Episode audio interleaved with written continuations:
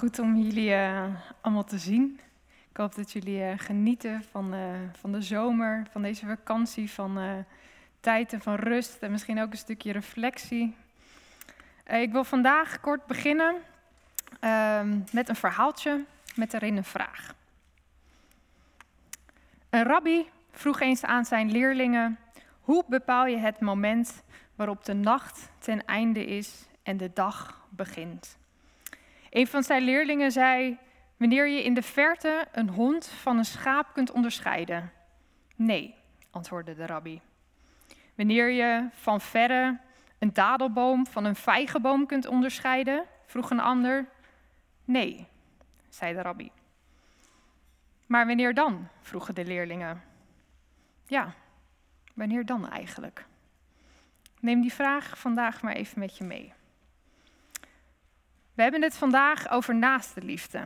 Een onderwerp wat misschien overduidelijk lijkt, maar, en waar misschien al veel over is gezegd. Maar vandaag hoop ik jullie ook echt iets mee te geven uit een nieuw perspectief. Wat jullie ook hopelijk weer doet bewegen op de weg van Jezus en de weg samen als gemeente. Laten we onze Bijbels openen en we lezen het stuk van Marcus 10, vers 25 tot 37. Het verhaal staat ook wel bekend als het verhaal van de barmhartige Samaritaan. Er kwam een wetgeleerde die hem op de proef wilde stellen. Hij wilde dus Jezus op de proef stellen. Hij vroeg: Meester, wat moet ik doen om deel te krijgen van het eeuwige leven? Jezus antwoordde: Wat staat er in de wet geschreven? Wat leest u daar? De wetgeleerde antwoordde: Heb de Heer uw God lief met heel uw hart, met heel uw ziel en met heel uw kracht en met heel uw verstand en uw naaste als uzelf. U hebt juist geantwoord, zei Jezus. Doe dat en u zult leven. Maar de wetgeleerde wilde zich rechtvaardigen en vroeg Jezus: Wie is mijn naaste? Toen vertelde Jezus hem het volgende. Er was eens iemand die van Jeruzalem naar Jericho reisde en onderweg werd overvallen door reizigers, door rovers die hem zijn kleren uittrokken, hem mishandelden en hem daarna half dood achterlieten. Toevallig kwam er een priester langs. Maar toen hij het slachtoffer zag liggen, liep hij er met een boog omheen. Er kwam ook een leviet langs. Maar bij het zien van het slachtoffer liep hij ook met een boog om hem heen. Een Samaritaan echter, die op reis was, kreeg medelijden toen hij hem zag liggen. Hij ging naar de gewonde man toe, goot olie en wijn over zijn wonden en verbond ze. Hij zette hem op zijn eigen rijdier en bracht hem naar een logement, waar hij voor hem zorgde. De volgende morgen gaf hij twee denari aan de eigenaar en zei: Zorg voor hem. En als u meer kosten moet maken, dan zal ik die op mijn terugreis vergoeden. En wie van deze drie is volgens u de naaste geworden van het slachtoffer? Van de rovers. De wetsgeleerde zei, de man die medelijden heeft getoond. Toen zei Jezus tegen hem, doet u dan voortaan net zo. En het verhaal begint met een wetgeleerde die Jezus op de proef wilde stellen. Door te vragen hoe hij het eeuwig leven kon krijgen. Hij hoopte Jezus iets toen laten zeggen om hem voor het blok te zetten. En hem misschien ook wel gevangen kon nemen. Vervolgens vraagt Jezus dan de man: Maar wat heb je daar? Hoe lees je dat? En als Jezus dat vraagt, dan kan ik mij zo voorstellen dat hij hier naar wijst. Dit zijn Joodse gebedsriemen, oftewel ook tefillin genoemd. Het is een soort klein kubusje ook wat eraan zit met daarin een bepaalde tekst. En dat is de tekst die de wetgeleerde ook benoemt. En juist ook door die tekst dragen de Joodse mannen deze riemen. Heb de Heer uw God lief met heel uw hart, met heel uw ziel en met heel uw kracht en heel uw verstand. De wetgeleerde vertelt dus die tekst aan Jezus en hij voegt er nog wat aan toe. Hij zegt namelijk, je moet ook houden van je naaste als jezelf, wat weer staat in Leviticus. De wetgeleerden die kennen de wet dus erg goed. Niets voor niets dat hij een wetgeleerde was. En Jezus die zegt hierop, doe dat. en u zult leven. En Jezus die lijkt in eerste instantie misschien niet zo antwoord te geven op die vraag van de wetgeleerde. Wat ging over het eeuwig leven ontvangen. Maar Jezus geeft je antwoord op door te zeggen dat God liefhebben en je naaste als jezelf, dat je dan zult leven. Dan zul je leven. Dan leef je. Niet in de toekomst of later, want vaak hebben we het over het hiernaarmaals, het eeuwig leven, als je misschien overlijdt. Maar Jezus, die zegt hier dat je nu al kunt leven. Door God lief te hebben boven alles en je naaste als jezelf. Dan zul je leven. En Jezus gebruikt hier voor het woordje, een Grieks woordje met leven, met een messiaanse betekenis. Het gaat echt over het leven in het koninkrijk van God. Het echte leven, waardig in Jezus zijn naam leven. Wanneer we dus God liefhebben boven alles en ons naaste als onszelf, dan zullen we dus stukjes van het koninkrijk van God rondom ons gaan zien en brengen.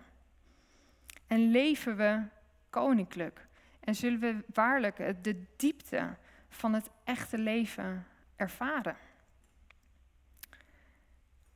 En dan zien we dus het koninkrijk van God tastbaar aanwezig rondom ons heen. Niet iets wat ver weg is of later, maar hier en nu. Het echte leven is God liefhebben boven alles. En je naaste als jezelf liefhebben.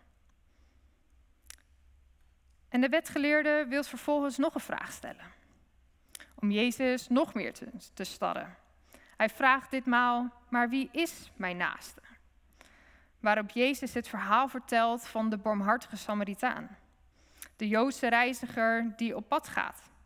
Het was een spannende route wat de reiziger aflegde. Het was een route waarop mensen vaker werden overvallen en werden aangevallen. Het was dus nogal wat dat deze reiziger alleen op pad ging. En hij wordt inderdaad aangevallen en als halfdood achtergelaten. En vervolgens komt er een priester. denk je dan als je het verhaal leest. Yes, de man wordt gered. Maar de priester die wil hem niet aanraken. Want als hij dat doet, dan is hij volgens de wet zeven dagen onrein. En mag hij de tempel ook niet meer binnen. Vervolgens komt er een leviet, een hulppriester. Yes, denk je weer, er komt er weer iemand aan. Maar die ook maar voor zijn eigen veiligheid de man niet aanraakt. Want wellicht wordt hij ook wel aangevallen de Samaritaan. Iemand van een ander volk. De Samaritanen en de Joden die konden niet goed met elkaar overweg. De Samaritanen werden echt gezien als, ja, als mensen die er niet echt toe deden. Waren geen goede gelovigen volgens de ogen van de Joden. Mensen die de wet overtreden, vreemde mensen. Nou ja, die relatie tussen de Joden en de Samaritanen die was eigenlijk nooit goed. En juist deze Samaritaan die dus eigenlijk niet goed overweg kon met de Joden, deze man gaat die gewonde man helpen. Want hij kreeg medelijden met hem. En voor hem maakt het kennelijk niet uit wie die reiziger is en wat de gevolgen voor hem zijn als hij hem helpt. Want hij helpt de man en hij zet hem op een ezel en hij brengt hem naar een soort hostel. Waar hij wel voor ongeveer twee maanden aan overnachtingen betaalt voor hem. Hij verzorgt niet alleen de man, hij geeft echt een stapje meer. Hij geeft zijn tijd, zijn geld, zijn aandacht. En misschien ook wel een stukje van zijn reinheid wat hij opoffert. Voor hem maakt zijn status niet uit. Het maakt niet uit wat anderen van hem vinden. Het helpen van deze persoon gaat echt voor.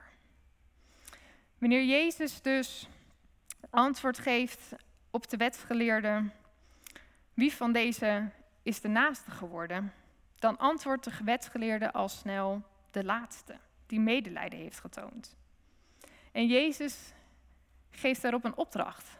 Ga en doe net zo. En Jezus die houdt ons hier een spiegel voor. Een spiegel van een manier van leven. In het leven gaat het om God liefhebben boven alles. En je naaste als jezelf. Dat zijn de belangrijkste geboden onze naaste liefhebben is dus niet iets wat we erbij moeten doen om zomaar misschien onze hemelpunten te verdienen of ja, toch dat je een beetje een goed gevoel van binnen krijgt als ik goede doelen steun bijvoorbeeld of de straatkrant koop van die straatkantverkoper. Maar het is niet een eenmalige opdracht of iets wat we alleen maar kunnen doen. Het is iets wat we zijn. Zoals Jezus zegt, dan zul je leven. Onze naaste liefhebben is dus iets wat we continu moeten doen. Je kunt misschien wel zeggen, het leven draait daarom. Om God en om de ander. Doe dit en u zult leven. Het is het leven. De ander liefhebben is het leven. Het draait in ons dit leven niet alleen maar om onszelf.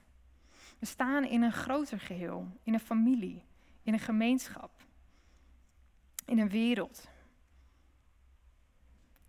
En wanneer we God liefhebben boven alles en steeds meer ook toegroeien en ingroeien in wie Jezus is, dan stroomt ons hart uiteindelijk over van liefde en dan zetten we al onze vooroordelen opzij.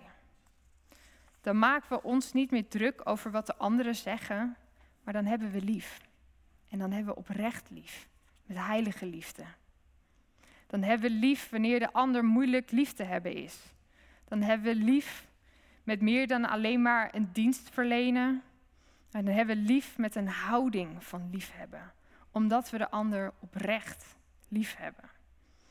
Wij hebben lief omdat Hij ons eerst heeft liefgehad. En lieve gemeente, dit is echt zo belangrijk. Houden van God en van de ander als jezelf. Dan zul je leven. Dat brengen we het koninkrijk dichterbij. En dan maken we het tastbaar aanwezig. Liefhebben zoals Jezus lief heeft en had. Ja, maar wat nou als de ander mij niet lief heeft? Hou maar gewoon van ze. Ja, maar wat nou als die ander een andere mening heeft? Hou maar gewoon van ze. Ja, maar wat nou als die ander nou, heel anders in God gelooft of helemaal niet in God gelooft? Hou maar van ze. Ja, maar wat nou als die ander volgens mijn zienswijze in zonde leeft? Hou maar gewoon van ze. Ja, maar hou maar gewoon van ze. Hou maar van ze, of in het Engels, just love them, is iets wat mijn Amerikaanse oma altijd zei. Wanneer ze het lastig vond om andere mensen lief te hebben, of wanneer ze zag dat andere mensen van elkaar verwijderd waren. Just love them is iets wat de Samaritaan deed richting de reiziger. En ik wil nog een aspect van liefhebben met jullie delen. Want liefhebben zit niet alleen maar in het geven van onze tijd, onze aandacht, ons geld, maar het zit ook nog in een ander cruciaal aspect, namelijk ontvangen. En ik zou nu graag het verhaal van de barmhartige Samaritaan uit dat perspectief eens willen bekijken met jullie. Want dat is ook zo een belangrijk onderdeel van naaste zijn, wat we vaak over het hoofd zien. Want wat nu als we kijken vanuit de ogen van die halfdode reiziger en dat de Samaritaan op hem afkomt? Zou hij doorhebben dat het een Samaritaan is? En zo ja, zou hij denken: Oh, help, please, niet hij. Laat hij alsjeblieft doorlopen. Ik wil niet dat hij mij aanraakt. Maar nee, hij ontvangt de hulp. Hij ontvangt de hulp van iemand die hij eigenlijk ziet als vijand. Als iemand die er niet bij hoort. Als iemand waar hij eigenlijk helemaal geen contact mee wil hebben. Als iemand van de verkeerde kant. Iemand die vreemd is, vies is. Iemand die er niet bij hoort en die volgens hem in zonde leeft. Maar hij ontvangt de hulp. Hij komt misschien ook niet anders. Maar hij laat zich helpen van iemand die in eerste instantie misschien wel niet zijn naaste is of was, maar wel zijn naaste is geworden. En ik weet niet hoe het met jullie zit, maar ik vind geven ook zoveel gemakkelijker dan ontvangen. En er heerst in mijn optiek ook een beetje een verkeerde gedachte rondom geven en ontvangen. Wanneer je de gevende partij bent, dan ben jij degene die iets hebt. Je bent de sterkere. Je hebt iets wat de ander niet heeft. En wanneer je de ontvangende partij bent, dan mis je iets. Dan heb je iets niet wat de ander wel heeft. Je hebt iets nodig. Je bent de hulpbehoevende, de zwakkere. Ik zet het even zwart-wit neer, maar ik denk dat het voor de meesten wel herkenbaar is. Maar hoe sterk is het om te ontvangen? Hoe krachtig is het om te weten dat je iets nodig hebt?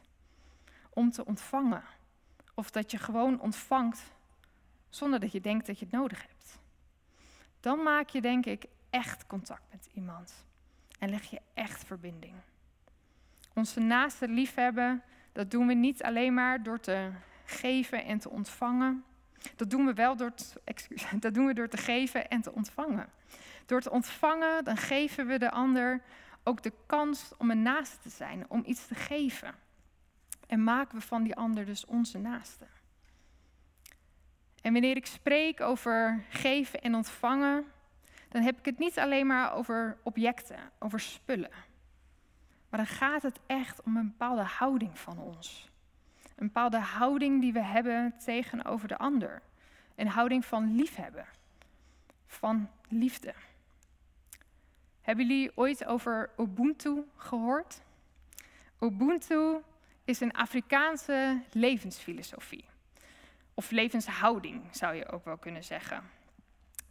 Ubuntu houdt het volgende in. Ik ben alleen maar omdat jij bent. Ik ben omdat jij bent. Ubuntu staat voor dat je niet in je eentje mens kunt zijn. Je bent mens door relaties, door anderen. Je wordt mens door anderen. We zouden niet kunnen praten als er geen andere mensen waren. We, we lopen door andere mensen na te doen. We denken door andere mensen. We zijn mens alleen door relaties. En dat zegt dat we ook echt gemaakt zijn voor die onderlinge afhankelijkheid van elkaar. We hebben elkaar nodig om mens te zijn. Ik heb het nodig dat jij jij bent, zodat ik ik kan zijn. Ubuntu. Je bent geen mens omdat je denkt, maar je bent een mens omdat je participeert in relaties. Een, relatie, een persoon is een persoon door andere personen. Een aantal lessen wat Ubuntu leert en wat dus over naaste liefde gaat. Wanneer je mensen ontmoet, kijk ze dan aan. Vertel je hun naam. Erken hun menselijkheid en hun aanwezigheid. En zie jezelf in de ander. Samen staan we sterk. Zie het goede in iedereen. Zie de kracht van vergeving voor elkaar. En sta open voor diversiteit voor de ander. En leer te luisteren op dat je kunt horen. De Samaritaan toonde Ubuntu richting de reiziger. Hij toonde Ubuntu door het verwonde, man te zien, te verzorgen door zijn houding richting de man. Hij toonde naaste liefde. En naaste liefde is ook niet iets wat we alleen maar in onze inner circle doen. Het gaat veel verder dan dat. En ik denk dat vaak onze groeiruimte daarin zit. Naaste liefde is voor een ieder. Ga maar naar buiten. Heb de mensen lief in je straat. De vreemdeling, de verwaarloosde, de dakloze, misschien wel de arrogante of degene die jou zo irriteert van binnen. Vul maar in voor wie jou eigenlijk geen naaste is. En laat die persoon wel jouw naaste zijn. Just love them. Een rabbi vroeg eens aan zijn leerlingen: Hoe bepaal je het moment waarop de nacht ten einde is en de dag begint? Een van zijn leerlingen zei: Wanneer je in de verte een hond van een schaap kunt onderscheiden. Nee, antwoordde de rabbi. Wanneer je van, een verre, van verre een dadelboom van een vijgenboom kunt onderscheiden, vroeg een ander. Nee, antwoordde de rabbi. Maar wanneer dan? vroegen de leerlingen. De rabbi zei: Wanneer je in het gezicht van een mens kijkt en daarin je zuster of broeder ziet, dan weet je dat de nacht is geweken en de dag is aangebroken. Amen.